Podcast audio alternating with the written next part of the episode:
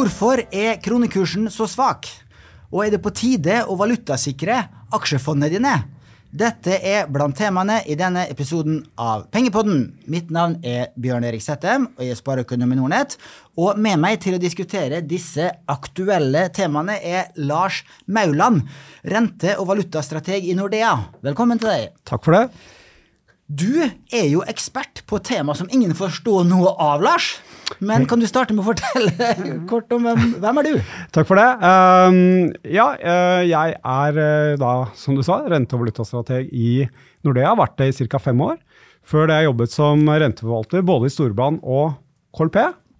Og handlet både valuta og, og renter. Uh, og prøver nå å hjelpe Nordeas kunder med å forstå det som skjer i markedet. For dagens kronekurs er jo unormalt svak målt i forhold til de fleste andre valutaer. Og det påvirker jo både feriebudsjettet til nordmenn som skal reise utenlands, og ikke minst sparere og investorer som investerer i internasjonale aksjer og fond.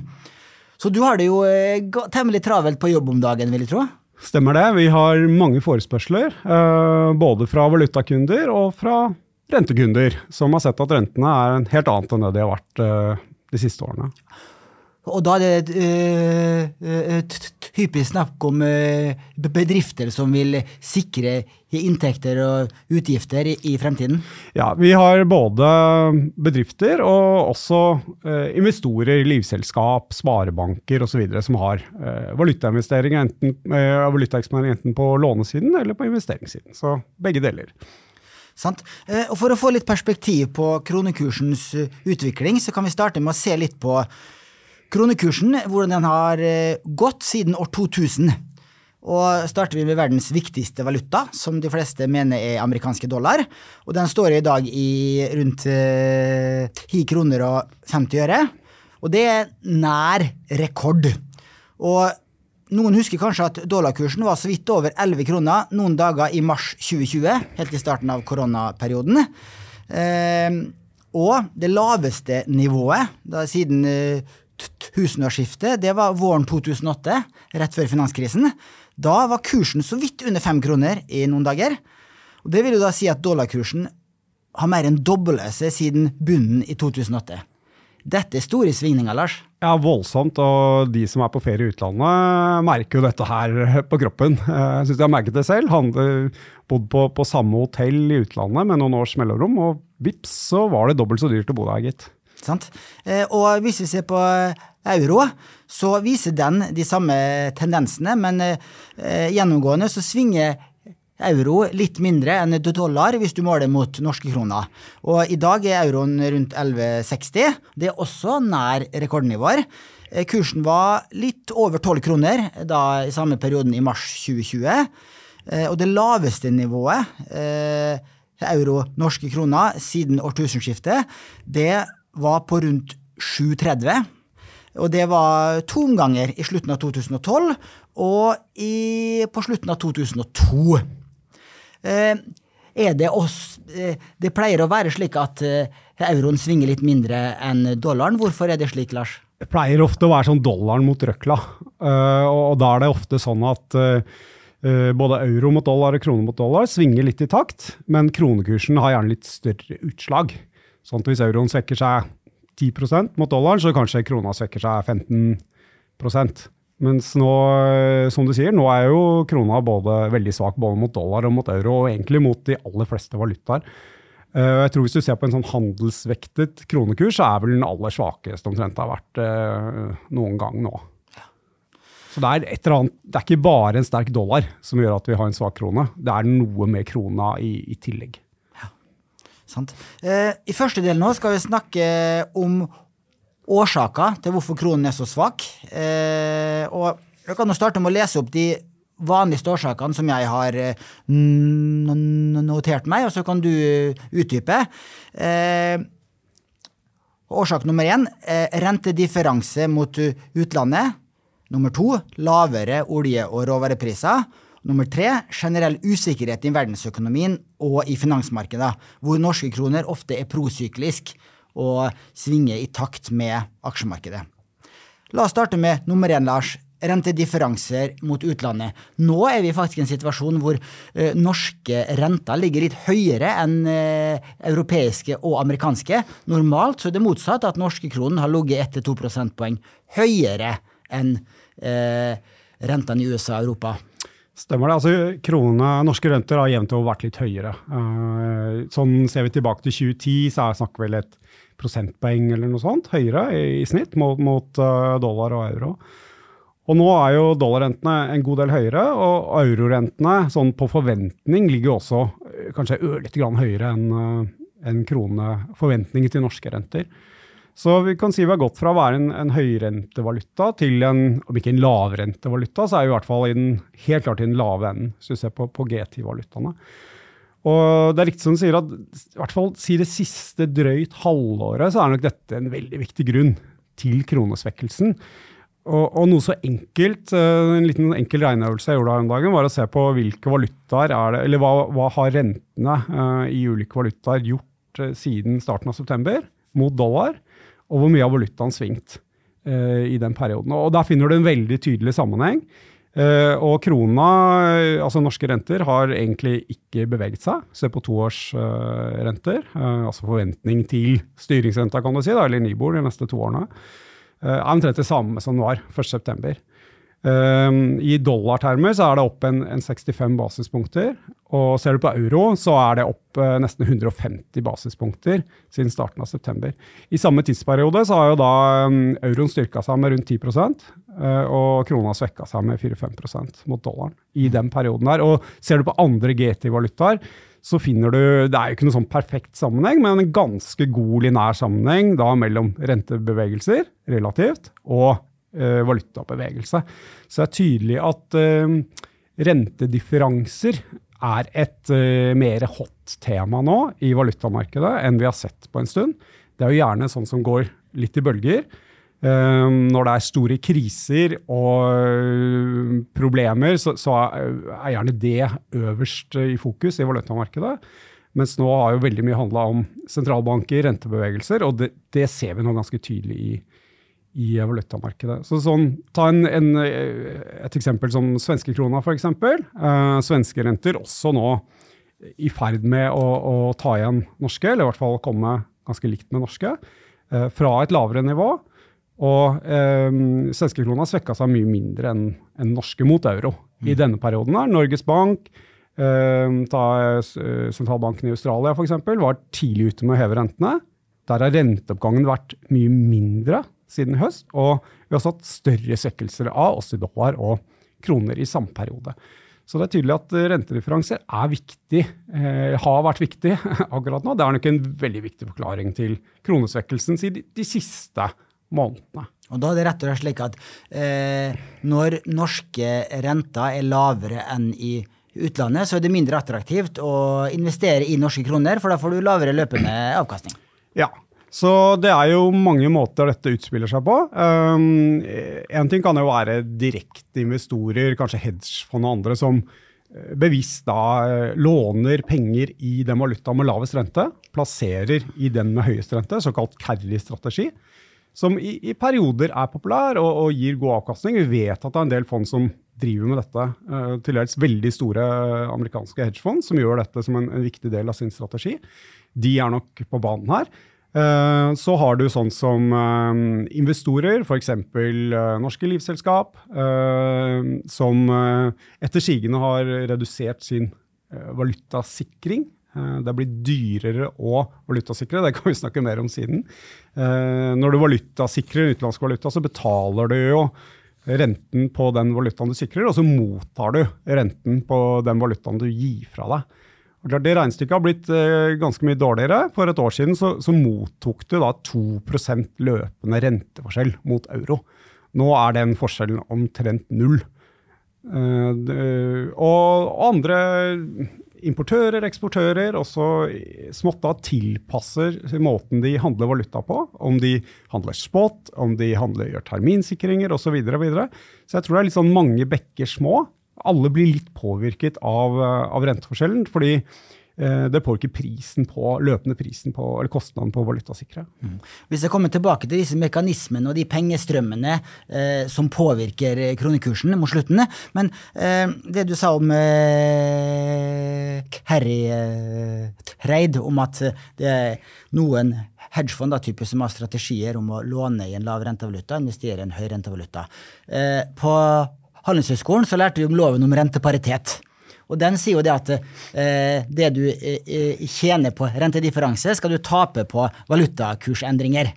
Eh, gjelder denne loven om renteparitet på lang sikt og i gjennomsnitt? Den gjelder i hvert fall ikke på kort sikt? Nei, den, den, eh, du kan sikkert finne perioder hvor den, hvor den, gjelder, men jeg tror det er ganske dårlig rettesnor innenfor en sånn uh, normal investeringshorisont på å si tre til tolv måneder, et år eller et år eller to.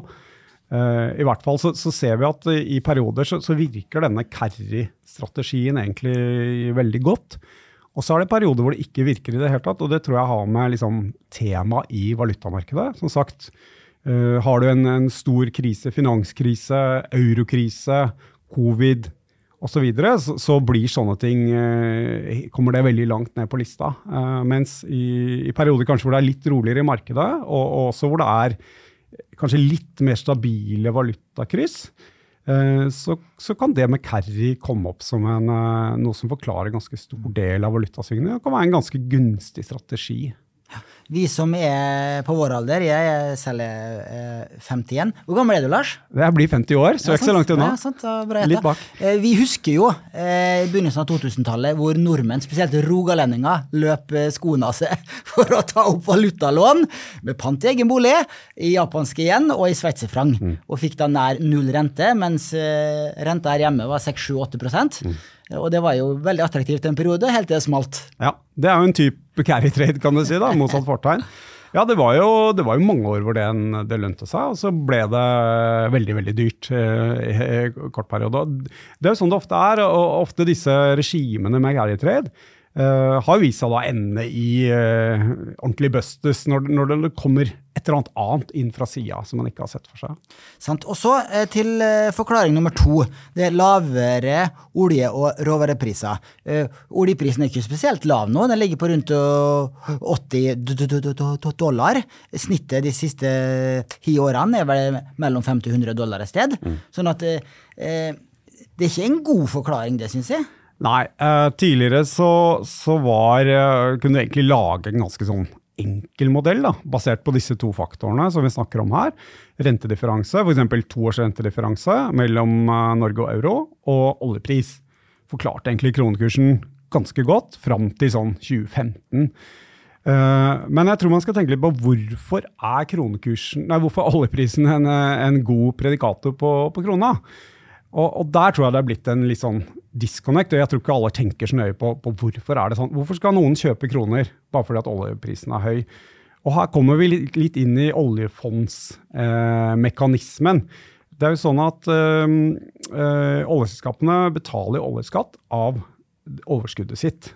Eh, ganske høy skattesats, 78 og så er det litt avanserte regler. Mens i effektiv skattesats kanskje et sted mellom 70 og 75 av inntektene. Sånn at uh, når oljeprisen er høy, så vet oljeselskapene at her blir det store skattebetalinger. Og de kjøper kroner løpende, og, og i hvert fall skatten på olje, råolje, er, blir satt liksom hver dag ut fra hva oljeprisen og kronekursen er den dagen. Så oljeselskapene har egentlig ganske sterke insentiver til å kjøpe kroner tilsvarende 75% av det de eksporterer hver eneste dag. Og klart Blir oljeprisen dobbelt så høy, så kjøper de dobbelt så mye kroner på samme eh, samme volum. Sånn at sånn sett vil det være en link da, kan du si, mellom uh, høy og lav oljepris og, uh, og kronekurs. Uh, men så er det jo sånn at hva skjer med disse skattekronene når de blir betalt? Jo, vi vet at har vi et stort overskudd på budsjettet, så skal de pengene tilbake til oljefondet. Og da kommer jo Norges Bank på banen og selger kroner fordi det skal overføres til oljefondet. Det er denne såkalte oljefondsmekanismen. Så hvis vi ikke bruker mer offentlige skattekroner, så er det jo ikke sånn nødvendigvis at høy oljepris gir mer kronekjøp eh, i, um, i, en lengre periode. Det er bare en sånn tidsforskyving hvor oljeselskapene kjøper kroner først, og så går det litt tid. Oljeselskapene betaler oljeskatten, og så eh, må de eh, Norges Bank inn og selge disse kronene igjen. Så, så det som på en måte kan avle det, det at høy oljepris kan avle eh, store kronekjøp, vil jo være at eh, oljeinvesteringen øker. Eller at andre investorer nå plutselig finner det attraktivt da, å investere i eh, norske bedrifter, eh, norsk oljeutvinning osv. osv. Der er jo linken, har vi sett, eh, vært veldig mye svakere, spesielt etter 2015. Eh, hvor man eh, ofte ser ja, pga. ESG-lovverk og dårlig lønnsomhet i oljesektoren i en periode. Eh, det har vi ikke hatt i det siste året, men vi har fortsatt en del sånn ESG-regulering som gjør det vanskelig for en del investorer å investere. Um, det, det gjør jo at selv om oljeprisen er høy, så er det ikke gitt at folk løper seg mann av huset for å øke oljeinvesteringene. Og da, da er det egentlig denne skattemekanismen som gir høye kronekjøp akkurat de dagene oljeprisen er høy. Men eh, så blir jo de kronene etter hvert tilbakeført til oljefondet. Så, så linken er mye dårligere. eh, tror jeg litt pga. regulering på, på investeringssiden. eh, og også at du selvfølgelig etter oljeprismellen i, i 14-15 så, så ble det sånn økonomisk sett mindre attraktivt å investere i oljesektoren. Nå er jo oljeinvesteringer på gang igjen. Eh, men det er en litt treg materie. Det tar tid. Men vi vet at vi nå for første gang egentlig siden 2015 har en økning i oljeinvesteringene og kommer til å ha det de neste årene. Det vil gi pågående kronekjøp. Og nesten u uansett, ikke uansett, men, men selv om oljeprisen skulle bli litt lavere, så kommer disse prosjektene til å gå. Og når Equinor, Aker øh, stikker spaden i jorda, så to speak, eller bygger øh, infrastruktur, leier inn folk her, så skjer det, den betalingen i norske kroner. Uh, og det kommer til å skje selv om oljeprisen faller til 70-65 dollar. Så vi kommer til å ha uh, nesten like store oljeinvesteringer, nesten uansett hva oljeprisen blir de neste par årene. Det kommer til å være en kilde til kronekjøp. Uh, men det er på en måte en, en strøm som så vidt har begynt. Eh, og grunnen til at vi får det nå, er jo for det første at det har vært et kjempeetterslep på oljeinvesteringene. fordi ingen ville ta i det i mange, mange år. Eh, men også disse skattepakken selvfølgelig som kom i forbindelse med covid. Og nå også en liten hjelp, siste selvfølgelig, med skyhøye inntekter, på, spesielt på gassiden i fjor. Eh, Jeg har sett noen avisinnlegg der hvor eh, skribenten hevder det at disse valutatransaksjonene er veldig viktige og veldig skadelige, og da svekker krona, siden eh, Norges Bank sender ut en pressemelding hver måned der de annonserer hvor mye de eh, kjøper valuta, altså selger kroner, kjøper valuta. Og nå i eh, eh, april, i måneden vi er inne i nå, så kjøper de eh, valuta på vegne av staten tilsvarende 1500 millioner kroner hver dag. Så det er veldig store volum.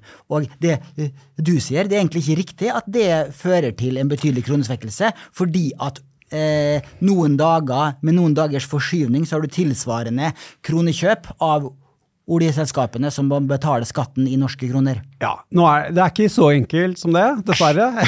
Nesten. Eh, fordi eh, den forskyvningen er eh, ganske lang. Og her har du et, eh, et problem. Så, så akkurat nå, i eh, år, kan du si, fram til sommeren, så, så er nok disse kronesalgene fra Norges Bank med på å svekke krona. Men du kan si at de um, ja, Her må jeg gå litt, litt i detalj for å forklare denne, hvordan oljeskatten virker. Det er sånn at eh, for de, kall det skatteåret 2022, inntektsåret 2022, de inntektene og utgiftene som oljeselskapene har i 2022, de betaler de skatta fra august 2022 til juni 2023. De betaler skatt seks ganger i året.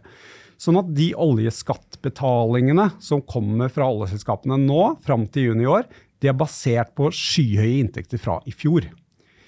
Så mens oljeselskapene lå spesielt i fjor høst, når, når gassprisen ble så høy, kjøpte store mengder kroner, så er det først nå Norges Bank i år er ute og selger en del av disse kronene. Så der har du en tidsforskyving. Så du kan si at uten veldig høy oljepris i fjor høst, så hadde nok krona svekka seg mer mot nyttår. Men så får vi en litt sånn forsinkelse på det nå. Fordi at Norges Bank kan ikke overføre pengene til oljefondet før de har fått skatteinnbetalingen fra oljeselskapene. De kommer først nå. Eller mye av det kommer først nå i år. Så akkurat nå så har du ganske lav eh, spesielt gasspris. Oljeprisen er ikke så lav, men gassprisen er jo veldig mye lavere enn den var i, i, i fjor høst.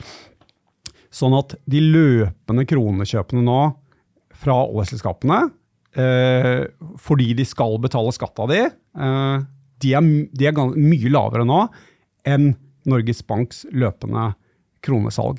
Uh, og de kronene som oljeselskapene kjøper nå for å betale skatt, de kommer de ikke til å betale skatt av før etter sommeren. Så du har en, en, tidsforskyving på et halvt år her, som normalt ikke er noe problem, men med disse enorme svingningene i gassprisene som vi så gjennom eh, altså fra august i fjor til, til, nå, gjør at vi får denne forskyvningseffekten, som akkurat nå ødelegger for krona. Så du kan si, når vi kommer til sommeren, hvis gassprisene ikke stiger noe voldsomt igjen, så kommer Norges Bank til å trappe ned noe voldsomt på kronesalgene. Men de har på en måte ikke mulighet til å gjøre det før de kommer til, eh, til, sommeren. For de er nødt til å nå veksle fortløpende disse inntektene de får fra oljeselskapene, som er basert på de enorme inntektene de hadde i fjor. Vet ikke om det var forståelig? Ja, Noenlunde. Ja. Mm. Eh, men det har ikke alltid vært slik at eh, eh, Norges Bank har kjøpt valuta.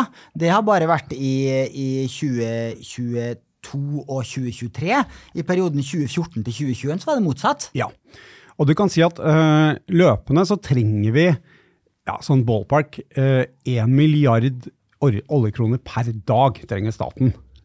For å, måte, det er det oljekorrigerte underskuddet. som er, altså Ballpark størrelse er det. Uh, og du kan si at Hvis skatteinntektene uh, er mer enn 1 milliard kroner per dag, så skal uh, Norges Bank selge de kronene. Da blir det kronesalg. Hvis det er sånn at inntektene er mindre enn 1 milliard kroner per dag, som, som det var i 2020-2021, i tillegg til at da, da trengte vi enda mer penger pga. koronatiltak, da trengte vi kanskje 2 milliarder per dag, da blir det kronekjøp. Men da var krona svak da òg? Ja. Men ikke så svak som den var nå, når du gikk litt ut i, i 2020.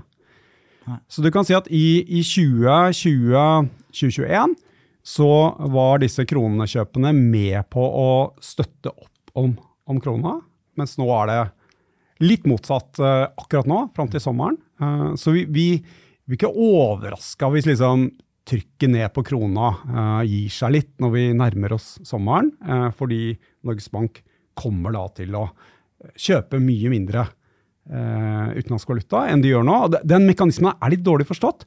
Og det er veldig ofte sånn at ok, nå har oljeprisen falt, og tenker ah, neste måned da kommer Norges Bank til å ikke selge så mye valuta. Men så er det at de har på en måte ikke mulighet til det.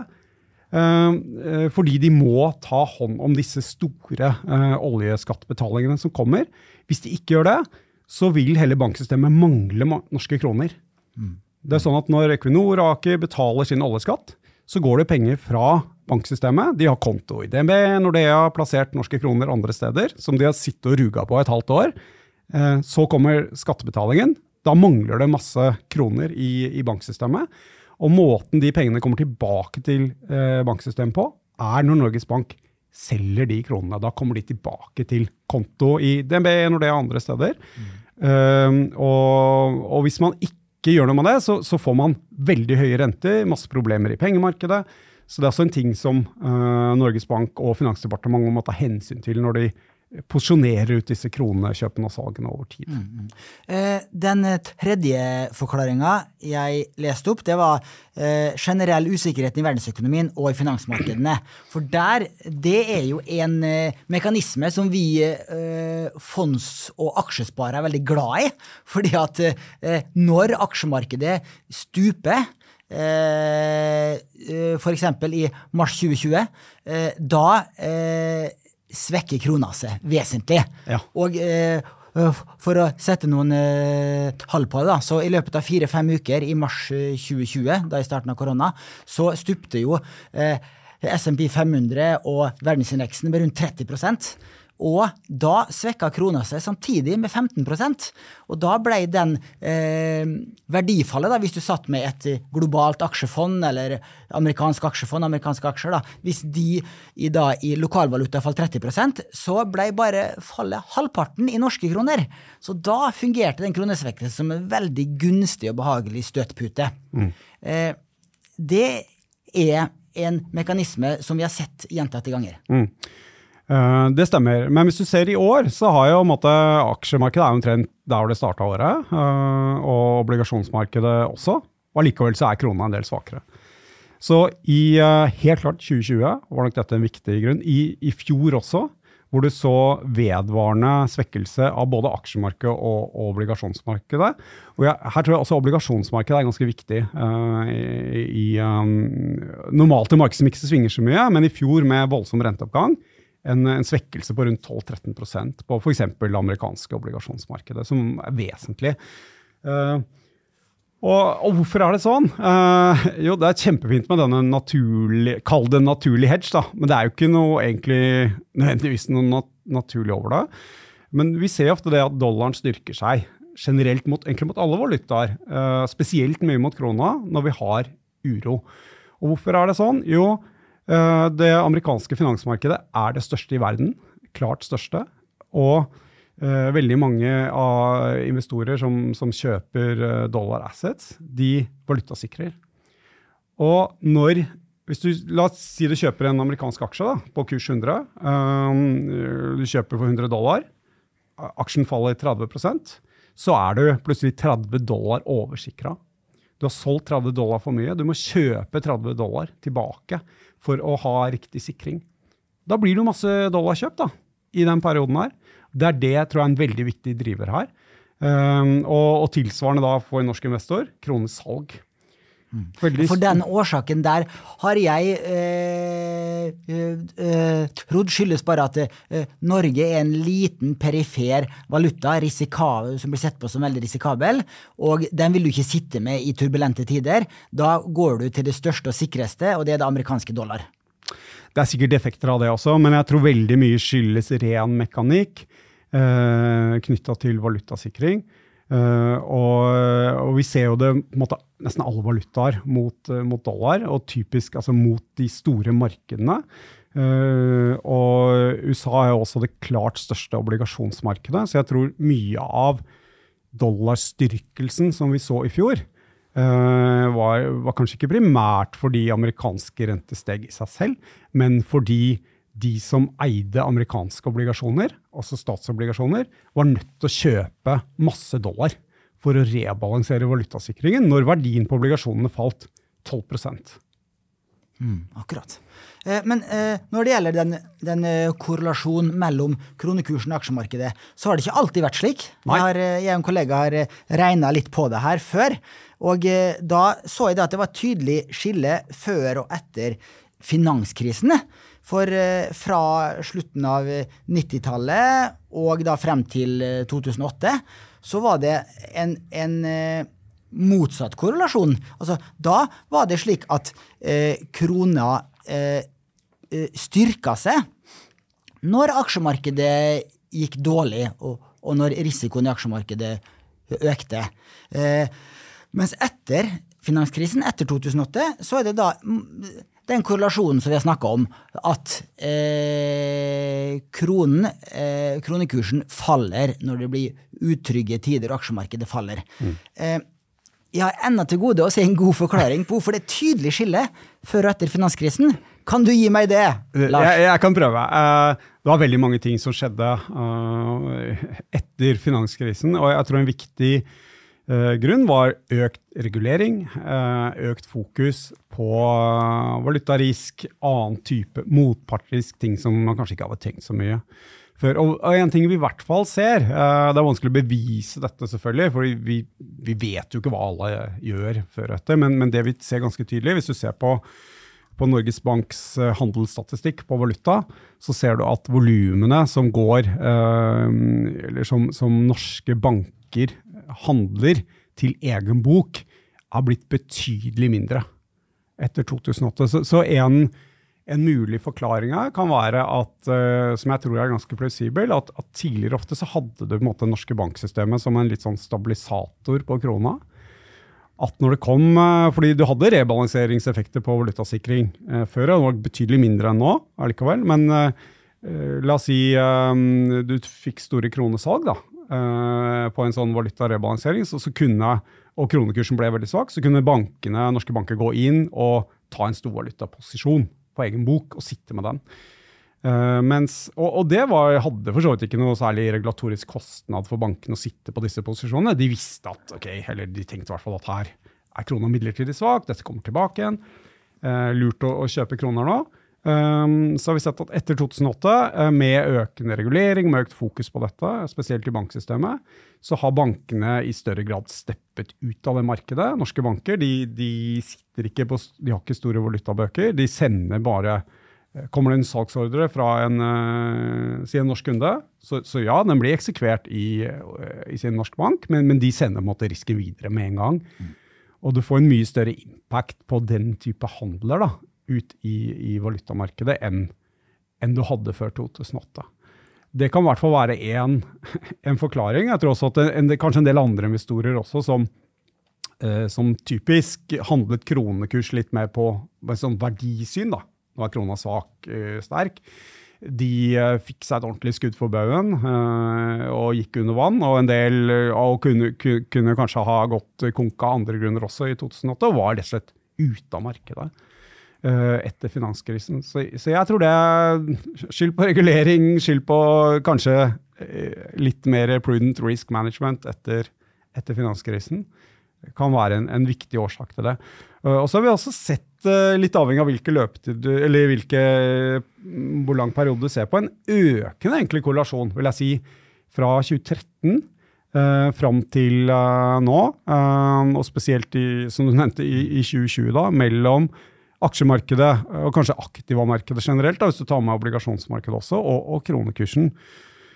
Og, og, og, der tror jeg du kan, det tror jeg du kan finne hvis du ser på da eh, størrelsen på utenlandsinvesteringer fra norske investorer. Kanskje mm, ta liv, liv og pensjon eh, og skadeforsikring som, én.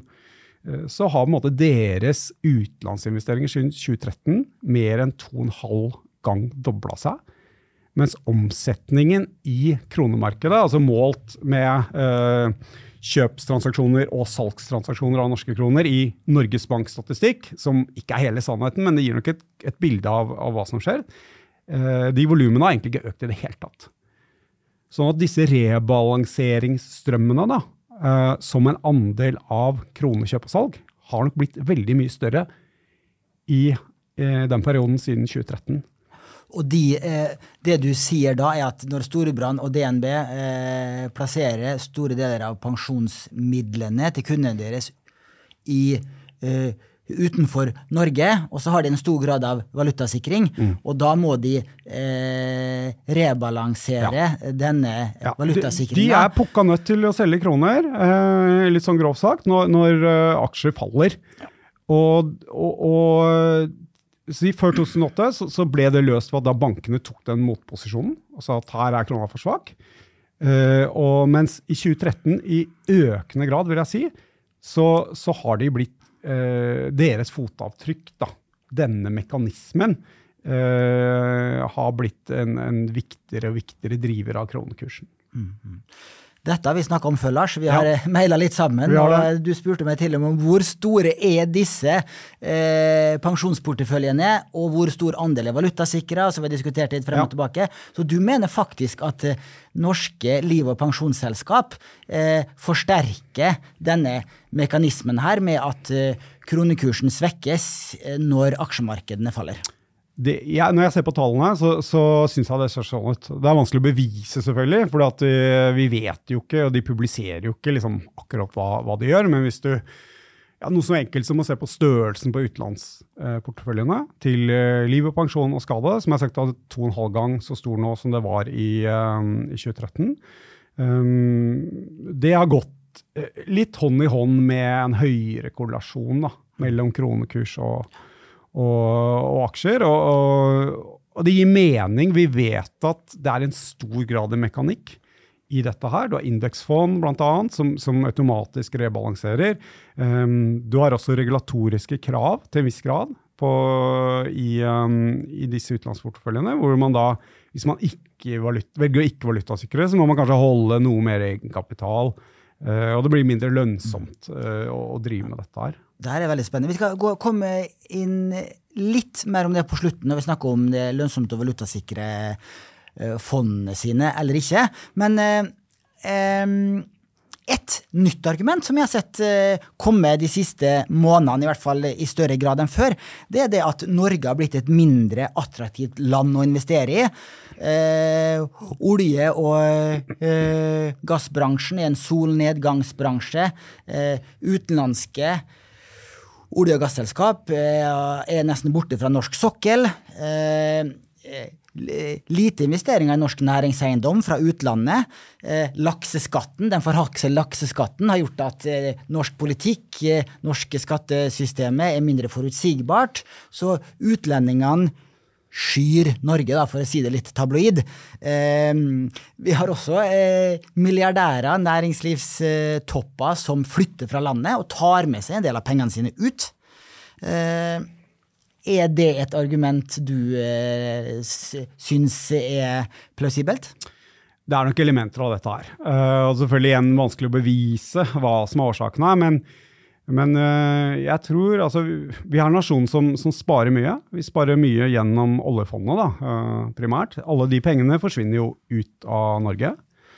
Um, du kan si Det er jo egentlig inntekter som er i utenlandsvaluta til å begynne med, i euro Eh, på, på, gasseksport og pund på gasseksport, dollar på oljeeksport. Så om de pengene bare går rett fra oljeeksport til oljefondet, det bør kanskje ikke ha noe å si for krona.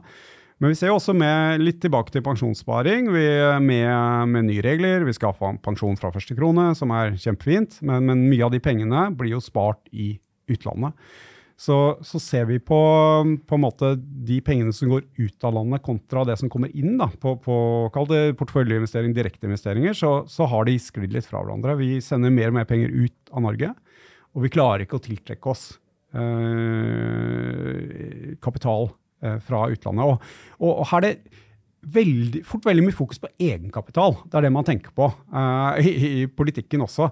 Uh, men jeg tror mye av grunnen handler også om obligasjonskapital. Og Hvis du ser på uh, f.eks. størrelsen på det norske obligasjonsmarkedet, uh, stat, se på statsobligasjonsmarkedet i Norge, veldig veldig lite. Har økt også ja, siden 2013 rundt 30 uh, som er en del. Men ser du på f.eks. det amerikanske statsobligasjonsmarkedet, har dobla seg siden 2013. Så også her så får du en del sånn kall det passiv investeringsstrømmer da, som går ut av landet. Hvis du bare som investor driver en indeksportfølje, når størrelsen på obligasjonsmarkedet i utlandet vokser mye mer enn her hjemme, så vil det naturlig flygte penger ut av, av Norge. Uh, ja, det som er valutasikra, blir ikke påvirket sånn, men det var ikke 100% valutasikring. Uh, så, så en del av av dette skyldes nok passive rebalanseringseffekter uh, på obligasjonssiden. Hvor vi er rike. Vi trenger ikke å låne så mye penger her hjemme. og Derfor sender vi penga ut av Norge. Og Tenker kanskje ikke så mye over det, men, men det gir jo en netto salgsstrøm. Vi så også under pandemien eh, Sikkert dere i Nordnett så veldig mye av det. Det, det. det kom nordmenn tok en del av sparepengene sine, putta i fond. Veldig mye av det havna i utenlandske aksjefond uten valutasikring. Mm. Netto kronesalg. Kanskje 100 milliarder eh, netto kronesalg eh, under pandemien pga. denne sparingen her. Og, og vi, vi, ser jo ikke samme eh, flyten inn her, og da kommer de grunnene du lista opp. Eh, eh, helt klart er nok medvirkende årsak. Vi sliter med å tiltrekke oss utenlandskapital. Eh, men som sagt, veldig mye fokus på egenkapital. Men jeg tror mye av problemet er vel så stort på, på fremmedkapital, obligasjonssiden Eh, her. Og, og, på egenkapital så er det selvfølgelig næringslivspolitikk, lakseskatt, alt det greiene der, men, men, også en sånn underliggende tanke om at vi er så rike, så vi, vi skal på en måte ikke uh, Vi skal ikke låne penger av utlandet. Det lider krona under, tror jeg. Uh, og, og i, i, veldig mye større grad enn en, en mange tenker på. det har vært litt opp et par innlegg i, i DN om dette her i det siste. Jeg tror det er veldig viktig å få opp den diskusjonen. Jeg tror den er veldig viktig. Eh, jeg syns jo likevel det er rart, da. At ja, norsk økonomi er sunn. Vi har eh, lav arbeidsledighet, 14 000 milliarder på bok i oljefondet, store overskudd på handelsbalansen. Vi er jo nesten som Sveits. Sveits har en veldig sterk valuta, vi har en veldig svak valuta. Det, det, det, jeg klarer ikke helt å skjønne. Altså. Nei, altså Sveits har jo tradisjon for å tiltrekke seg kapital fra utlandet. Det er liksom banking, det er der du går. Eh, kanskje hvis du skal gjemme bort penger nå, eh, litt vanskeligere nå. Mens Norge har jo ikke den tradisjonen. Altså, vi, vi, vi, sliter litt med å tiltrekke oss uh, kapital. Og, og, som du sa, tidligere var det altså mye utenlandske oljeselskap investerte i Norge. Nå, er, nå skal vi heller ikke glemme at selv et selskap som Equinor, Aker, er egentlig utenlandske i denne valutasammenhengen. Fordi at uh, de er dollarselskaper per def. Uh, eller per def, de har valgt, valgt å bli det. Uh, de holder sin likviditet i, i, dollar. Ja, de kjøper masse kroner, men det er primært for å betale oljeskatt som, og for å betale lønn. Og selvfølgelig leie, kontorleie og alt sånn her hjemme. Og, uh, men også når de gjør sine oljeinvesteringer her hjemme, så skjer det i norske kroner. Sånn at om det er liksom uh, ConocoPhillips eller Equinor, som investerer her hjemme, så er det egentlig ett fett sånn kronemessig, da. For det kommer fra en, en, en dollar-euro-posisjon, uh, egentlig. Uh, så, men, men, det at vi egentlig ikke har hatt uh, Vi har jo ikke hatt noen særlige oljeinvesteringer nå mm. siden 2015. I nominelle kroner så var det først i fjor hvor det begynte å, å tikke litt opp. Og vi vet at liksom, justerer vi for inflasjon, så burde jo bare oljeinvesteringene egentlig tikka opp i seg sjøl. Det er først nå i fjor, i år, fremover de neste årene, med de planene som ligger nå, at vi får en, en, en økning i, i, de typer investeringer. Og som vi om, Det skyldes først og fremst veldig dårlig lønnsomhet i noen år. Uh, regulering på, på miljøsiden osv. En del investorer som ikke kan eller vil investere i, i uh, olje- og gass, uh, gassutvinning. så har vi jo ting på trappene. Vi snakker om vindmøller og andre ting som, som ja, det, det, er kjempefint, det. Det kommer nok, men, men det tar tid, og vi har jo sett at det er vanskelig å bygge ut store vindmølleparker eh, av andre miljøhensyn. og, og eh, det, det, tar litt tid, og vi, vi sliter litt liksom med å, å ja, Lakseskatten gjør jo kanskje ikke næringslivspolitikk generelt. Norge kommer vel ganske dårlig ut på en, en del sånne internasjonale målinger rundt, uh, rundt næringslivspolitikk da, uh, på, for å tiltrekke seg utenlandsinvesteringer. Så så alt dette er ting som ikke hjelper krona, da. Men jeg, jeg tror mye av det store problemet ligger på kall det investeringssida. Vi har et lite finansmarked i Norge eh, i forhold til den sparebehovet eh, som vi har her. Ja, sant. Så eh, liten interesse i å kjøpe norske kroner, liten interesse i å investere i Norge, det er definitivt medvirkende ja. årsaker. Og du kan si sånne ting som, som, du, som du, nevnte innledningsvis, da, som ja, Norge er liksom eh, Vi har en trygg stat, vi har stort overskudd og sånn er, Sist vi så at det var viktig, var jo kanskje under eurokrisen. Eh, da, var det, da, da, var det vi kaller liksom sovereign risk på agendaen. Da var det liksom Har Norge råd, har landet råd til å gjøre opp for seg? Man var redd for at eurosamarbeidet skulle sprekke. ikke sant? Man ville ikke ha euroinvesteringer. Da flokka eh, investorer til Norge. Norske statsobligasjoner ble kjempedyrt. og eh, men det har på en måte ikke vært et tema i markedet. Det kan, det kan komme tilbake igjen, men da trenger vi nok en litt sånn tillitskrise på, uh, i, en eller annen valuta. Kanskje, kanskje, det kan komme i dollar. Altså, det er jo ikke helt utenkelig å se for seg en eller annen politisk krise, kanskje i USA etter valget 2024, eller uh, De har jo en voldsom utenlandsgjeld. Kanskje de, nå sliter de med en gjeldstaksproblematikk. Det kan komme ting der. Mm. Uh, Skulle vi få noe sånt, så, så, er nok det en situasjon hvor krona kan komme veldig godt ut. Der vi har en solid valuta, men, men det har måtte ikke vært tema i valutamarkedet nå, vil jeg si egentlig siden 2012. Mm -hmm. Så må jeg spørre deg, hva er riktig nivå på kronekursen? Hva er normal kronekurs, nøytral, normal kronekurs? Har dere modeller hvor dere regner på det her, Lars? Nei, vi, vi har nok hatt det før, men det har vi for så vidt gitt opp. Eh, jeg tror det er veldig vanskelig å å si noe sånn godt om det. Du har jo kanskje noen sånne, i hvert fall i makro, noen sånne naturlige stabilisatorer. Du kan tenke at ok, blir kronekursen for svak, så vil det tiltrekke seg eh, investorer. Altså Norge kan jo ende opp med å bli en sånn lavkostvaluta. hvor det vi skal drive med, er liksom vi har billig arbeidskraft, vi tiltrekker oss uh, turister. Det gjør vi jo sikkert nå. Kanskje vi må bygge opp kapasitet på det. Kanskje en del sånn arbeidskrevende industri kan flytte til Norge fordi at uh, krona er så svak. Det er kanskje litt søkt å tenke på, men, men blir krona svak nok, så, så, vil det kanskje være med på å stabilisere litt. Det vil også gjøre det ekstremt dyrt for oss å kjøpe utenlandsvarer, dra på ferie i utlandet, alle de tingene der. Uh, kan måtte vri både konsum og investeringer mot mer krone, kroner da, og være med på å styrke krona på sikt. Det er i hvert fall kall den økonomiske teorien eh, bak det. I praksis så ser du at dette er veldig veldig lange trender. og Nei, Jeg vil ikke sette penga på et sånt uh, nivå uh, egentlig på sikt. Jeg vil se mer på disse kall det strukturelle tingene som vi snakket om. Uh, også kall det tema i valutamarkedet. Uh, tror jeg er mye viktigere for å si noe om hvor valutaen skal på, på litt sånn mellomlang Mm. Men de fleste meglerhus og uh, storbanker har valutaprognoser. Ja, og hva tror det har vi du da? også. Ja, og hva tror du? Hvor er norske kroner om tolv måneder? Vi, vi, tror på en litt sterkere krone, og det har vel kanskje gjort, uh, gjort en stund. Og, og, mye av grunnen til det tror jeg er at jeg tror at Norges Bank vil holde følge med ECB og, og Riksbanken. Og, og det, Hvis du ser på hva Norges Bank sier, da, Ida Wolden Bakke i, i årstalen f.eks., veldig tydelig på dette her. Eh, vi kan ikke henge etter. Eh, og, men også det med oljeinvesteringer, som jeg har nevnt flere ganger nå, er tror jeg, er veldig viktig for krona. Det er lengre lerret å bleke, men det gir kronekjøp som vi ikke har hatt.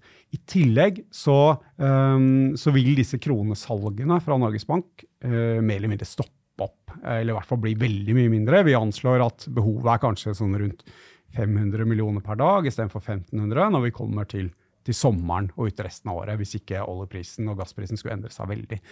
Så alle disse tingene vil hjelpe. da, på, eh, nå har vi hatt en, en, ulempe ved at renten har gått saktere opp her ellers. Jeg tror vi er litt ferdig med den tilpassingen nå.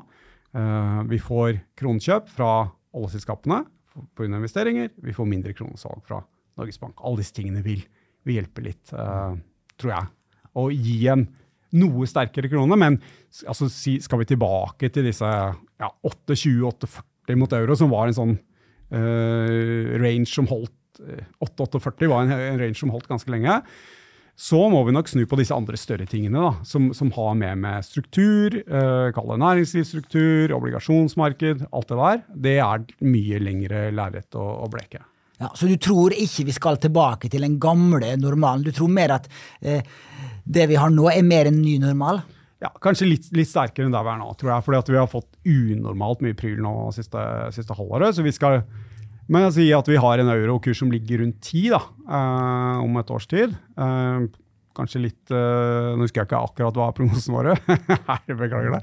Uh, uh, for det er ikke jeg som lager akkurat de. Men, men, at det kanskje er et Kall det et normalnivå, da, inntil noe annet stort skjer. Enten på struktursida eller på kall det tema i valutamarkedet. Så Den store gulroten for krona her er en ny type eurokrise, tillitskrise, euro-dollar, et eller annet sånt. Mm. tror jeg var kjempefint for krona. Hvis du skal anslå et normalnivå for amerikanske dollar, da? Nei, jeg vil eh, Altså, en sånn kanskje normal valutakurs mellom euro og dollar det er vanskelig å spå på det, ja, men, men nå kommer jo eurorenten opp her, kanskje rundt 1,25 eh, på sikt. Så da kan, jo, da kan, man jo regne ut hva, hva, det blir. Da ligger vi liksom litt under 9, da, kanskje på Akkurat. Men det er jo interessant da, at en rente- og valutastrateg, en av Norges største banker, sier at nei, vi har ikke noen kronekursmodeller, vi har slutta å regne på det fordi at det er så uforutsigbart. Ja, det er det også sagt, Vi hadde jo denne veldig enkle modellen med oljepris og, og rentedifferanse. Som holdt, Den har jo spora helt av eh, de siste årene. Uh, og Vi ser nok mye mer på disse andre driverne her. Og, og klart denne, Noe vi kan regne på, er disse kronesalgene fra Norges Bank. De, eh, de føler at vi har ganske god koll på, og har hatt ganske god koll på. Det er også viktig på kort sikt. Og så er det rentedifferanse har vært viktig. Uh, der har jo har nok rentene kommet fort opp enn vi så for oss ute ut i Europa. ECB virker veldig ivrig på, på å få rentene opp. Riksbanken følger på. Uh, og så har vi vært litt mer sårbare, tror jeg, på, på rentebevegelser i, i Norge uh, enn en ute. Bra. Da skal vi over til siste del. Eh, vi må snakke litt om eh, det er smart eller ikke å valutasikre utenlandsinvesteringene dine. For det er jo et spørsmål vi ofte får her i Nordnett, og sikkert dere også i Nordea. For eh, eh, nå når kronen er rekordsvak, så er det naturlig å tenke seg, i hvert fall hvis du er en aktiv investor som prøver å slå indeksen. Skal jeg valutasikre hele eller deler av porteføljen min? Og eh, det jeg har sagt i flere år vi, og skrevet i blogginnlegg uttalt i media, er at eh, vårt hovedråd er å ikke valutasikre. Det har vært veldig lurt, da. Det har vært veldig lurt, og det har jeg sagt lenge. Også da jeg jobba i Storbrann, faktisk. Veldig bra. eh, eh, fordi da eh, får du den gunstige effekten av støtpute, altså en hedge. Når aksjemarkedene faller, så faller ikke din portefølje i norske kroner like mye, fordi at norske kroner pleier å svekke seg. Eh, men eh, så i mars 2020 skrev jeg et eh, blogginnlegg om at nå er det ekstreme forhold, og at kronekursen er ekstremt svak, så nå kan det være et gunstig tidspunkt hvis du vil være litt eh, opportunistisk og litt uh, haktisk, og valutasikre deler av porteføljen. Det samme har jeg sagt nå de siste halvår, egentlig. Mm. At nå er kronekursen veldig, veldig svak. Og eh, hvis du vil ta et aktivt veddemål og prøve å være smart, så eh, tenker jeg at sannsynlighetene er på din side nå. Men eh, eh hvis du er en indeksinvestor som er fornøyd med markedets avkastning, så skal du ikke rote deg borti det her, for det er lett å trå feil. Mm. Og jeg må nesten lese opp noen tall for å vise hvor store forskjeller det har vært på, i avkastninga på fond med uten valutasikring. Og da er det jo enkelt å eh, gå til KLPs globale indeksfond, for de har nemlig et tvillingfond eh, som er valutasikra. Og eh, de siste tolv månedene så har forskjellene vært helt ekstreme. For hvis du har sittet med det vanlige fondet, som ikke er valutasikra, KLP aksje global indeks, så har du hatt 16% positiv avkastning siste tolv måneder.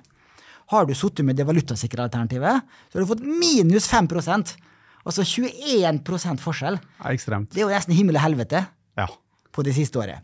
Og hvis du da ser på de siste fem år, så har du fått da pluss knappe 15% analysert avkastning på det ikke-valutasikre alternativet, og rundt 7% analysert hvis du har sittet med det valutasikra. Du har altså dobla avkastninga di hvis du har sittet med valutaeksponering. Det er også meget ekstremt. Ja. Du har fått mer avkastning fra valutamarkedet enn fra aksjemarkedet. Ja. Eh, hvis du ser på de siste ti årene, så er det også vesentlige forskjeller. Mm. Da er det rundt 15% analysert avkastning i det ikke-valutasikra, og 9% i det valutasikra. Det er jo fristende å tro at nå kommer det en eh, mean reversion her, at du får den her rett i fleisen igjen hvis du sitter med det ikke-valutasikra fondet, og da selv om du får avkastning i lokal valuta, så forsvinner hele avkastninga eh, hvis du sitter med en ikke-valutasikra fond, Lars. Ja, nei, det, er, det er sant. Og timing her er jo everything, som du sier. Men, men veldig gode calls du hadde der i, i 2020. Og, da var det en helt klart distress-situasjon i, i kronemarkedet. Uh, uh, som kom fordi hele markedet ramla sammen. Nå har det jo for så vidt ikke noe sånn veldig distress i aktivemarkedene akkurat nå, så du kan fort se for deg at ting blir mye verre. Uh, så skulle vi få en ordentlig aksjekollaps her uh, Det var jo at uh, med bankuro i USA liksom, så begynte vi å lukte litt på det. Nå har det roet seg litt igjen, men det kan komme, dukke opp et eller annet. Vi har hatt en lang periode med hvor sentralbanken har satt opp rentene, nettopp med det hensikt å kjøle ned økonomien. Så vi kan jo se for oss at på et eller annet tidspunkt så tyter det ut et eller annet som vi ikke har, har tenkt på. Da. Uh, og da, når det skjer, så tenker jeg at vi kan fint få en ganske kraftig kronesvekkelse à la det vi fikk i, i 2020. Skal vi få en ordentlig sell-opp i markedet? Er det sånn at vi ikke får en sånn voldsom, uh, voldsom svekkelse i aktivamarkedet, at ting liksom blåser litt over, her uh, inntjening til selskapene kommer tilbake, aksjekursene henter seg litt sånn forsiktig på igjen, så, så, har jo ikke de som rebalanserer valutasikring, egentlig noe behov for å selge masse kroner. Og da, helt enig, da kan du tenke deg at det kommer andre litt mer sånn uh, aktører inn som, som, tenker at her er krona svak. Uh, og så har vi disse effektene som jeg snakket om allerede, med Norges Bank osv., som, som kan bidra til å, å styrke krona litt igjen. Men å se for seg en sånn voldsom kronestyrking her, uh, basert på der vi er nå, da, med mindre vi skulle få en sånn, kall det en tillitskrise i euro og dollar, uh, et eller annet sånt, jeg er litt vanskelig for å se for meg, se for meg det. Så, men det er klart, altså fra det, det, er også vanskelig å se for seg en sånn kanskje en veldig mye svakere krone uten at vi har masse uro i markedet på kort sikt. Så, så, sånn sett kan du si at ja, det er litt vanskelig å si liksom på risk reward her. Uh, får du en ordentlig sell-off, så er det kjempefint å ikke ha valutasikra mm. investeringene dine. Men klart, tror du at markedet skal ramle sammen, så har du kanskje ikke aksjeinvesteringer heller.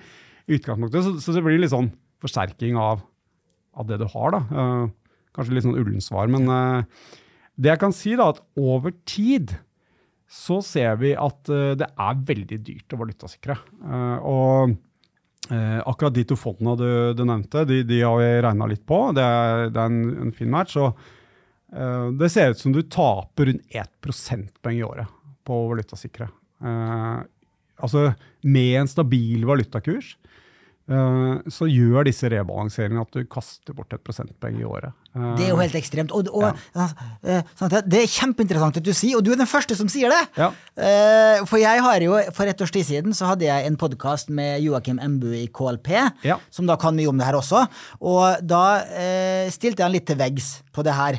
Og han, han, kom meg litt i møte, men det jeg så, var at, at i 2020 var et ekstremt år. Og da var det jo eh, unormalt store avkastningsforskjeller på de valutasikrede og ikke-valutasikrede globalfondene til KLP, DNB Storebrand. Ja. Eh, og det som var veldig interessant, var at 1.1.20 og 31.12.20 så var valutakursene, altså norske kroner mot dollar, euro og yen, var om lag på samme nivå ja.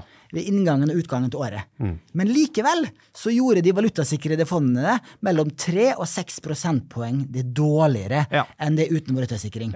Og det er den kostnaden og rebalanseringskostnaden. Og, og disse kostnadene var jo det ekstreme i det året, men det du sier at i snitt de ti siste årene så kanskje ett prosentpoeng som ja. går bort. Og, og, og, dette er absolutt ikke noe kritikk av, av KLP. De er en god kunde av oss. Jeg vil ikke liksom disse de på noen måte. Det, KLP dette, var faktisk ganske gode. Det var storbransje, som var dårligst i ja. 2020. Så, så, dette gjelder jo ikke dårlig, Dette er jo ikke dårlig håndverk, eller, men det er rett og slett liksom måten man gjør valutasikring på. hvor man blir på den måten er liksom på etterskuddsvis hele tiden, og hele tiden ender opp med å selge kroner det er billig å kjøpe når de er, når de er dyre. Og uh, ja, 2020 er et godt eksempel, og vi ser jo det i, i lange perioder, så, så, er den kostnaden egentlig null. Men det er typisk når det er mye uro i markedet. Rundt 4% regna vi til at det, akkurat den effekten i, var i 2020. Og veldig mye av det kom selvfølgelig i mars, hvor det var, liksom, blåste som, som verst. da. Uh, og Eh, men mye av den effekten har blitt maskert fram til nå. Fordi at når du gjør en sånn valutasikring, som jeg sa, det, det du gjør da, at du betaler eh, renten eh, på det, den valutaen du låner, altså eh, den du investerer i, som du må låne, og så mottar du renten på den valutaen du gir fra deg. Og, og, når Norge da har hatt en positiv rentedifferanse på rundt 1 prosentpoeng, så skal du egentlig regne med at du ved å valutasikre, gitt en stabil valutakurs, skal tjene 1 prosentpoeng løpende. Du gir fra deg en, eh, en norsk rente som er 1 prosentpoeng høyere enn den du betaler. Men uh, det finner vi ikke igjen.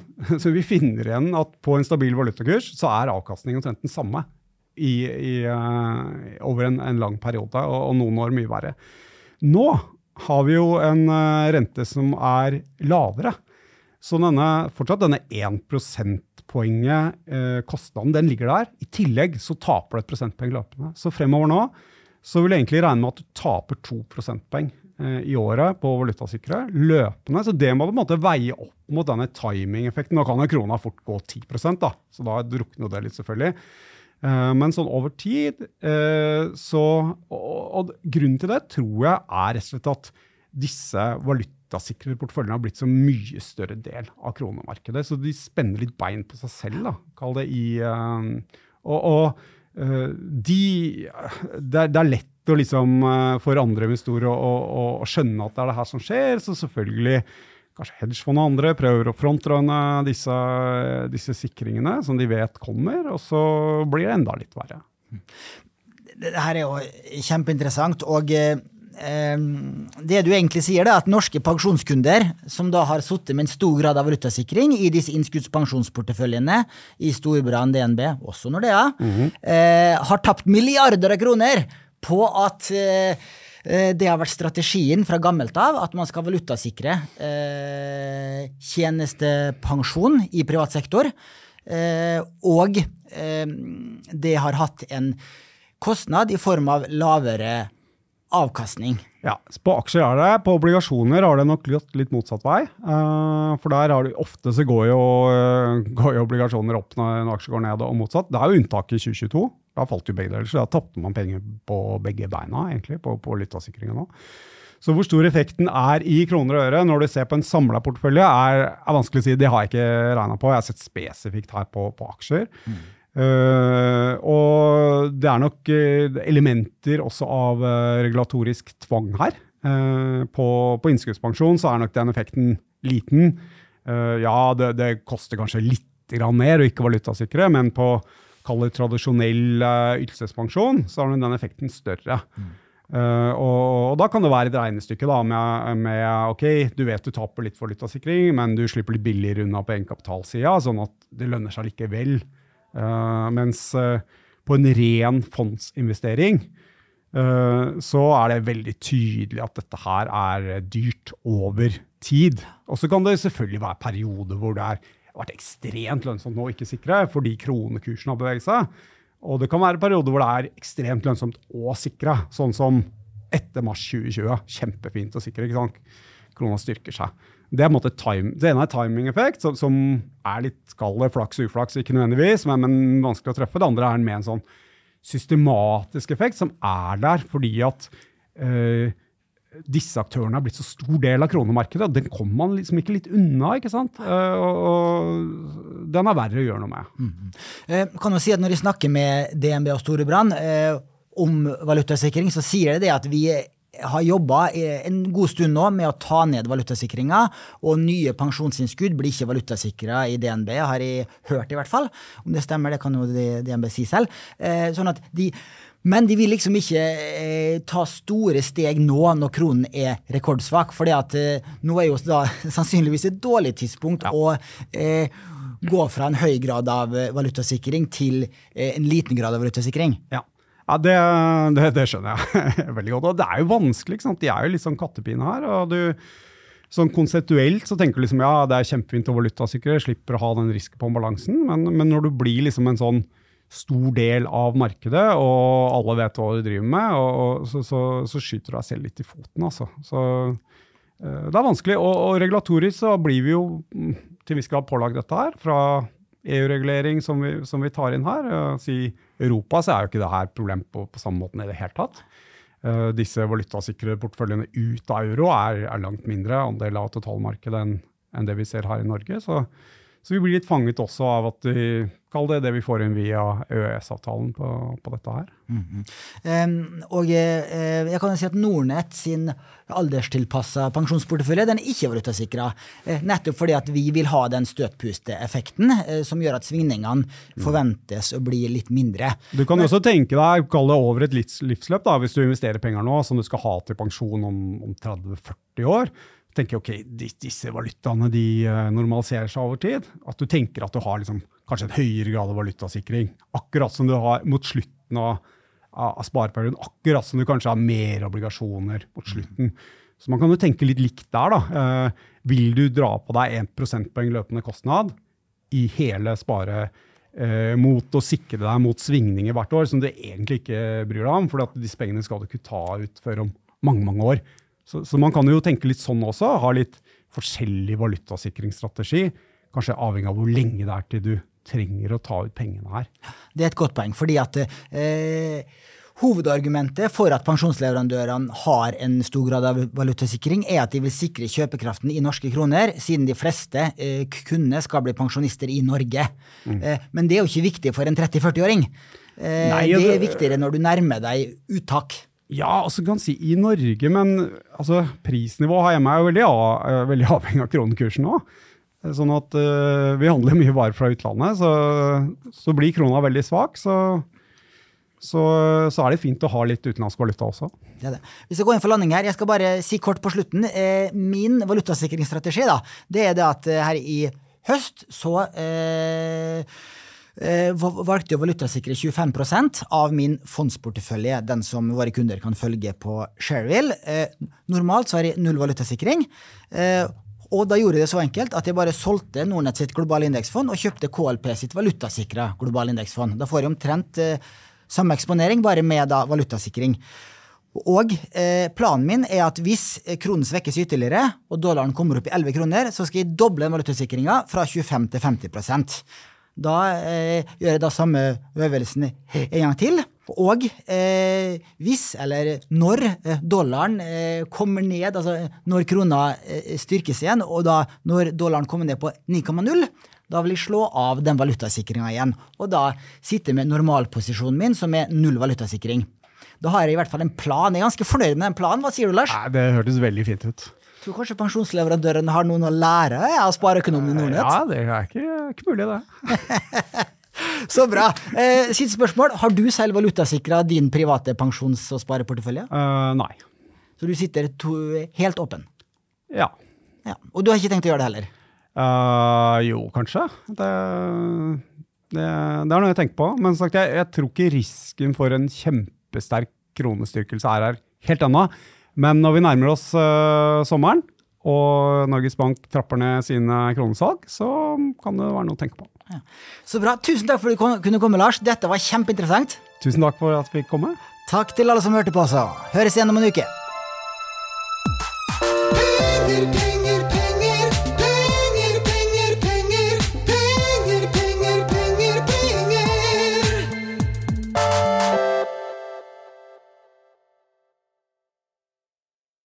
Denne podkasten skal anses som markedsføringsmateriell og innholdet må ikke oppfattes som en investeringsanbefaling.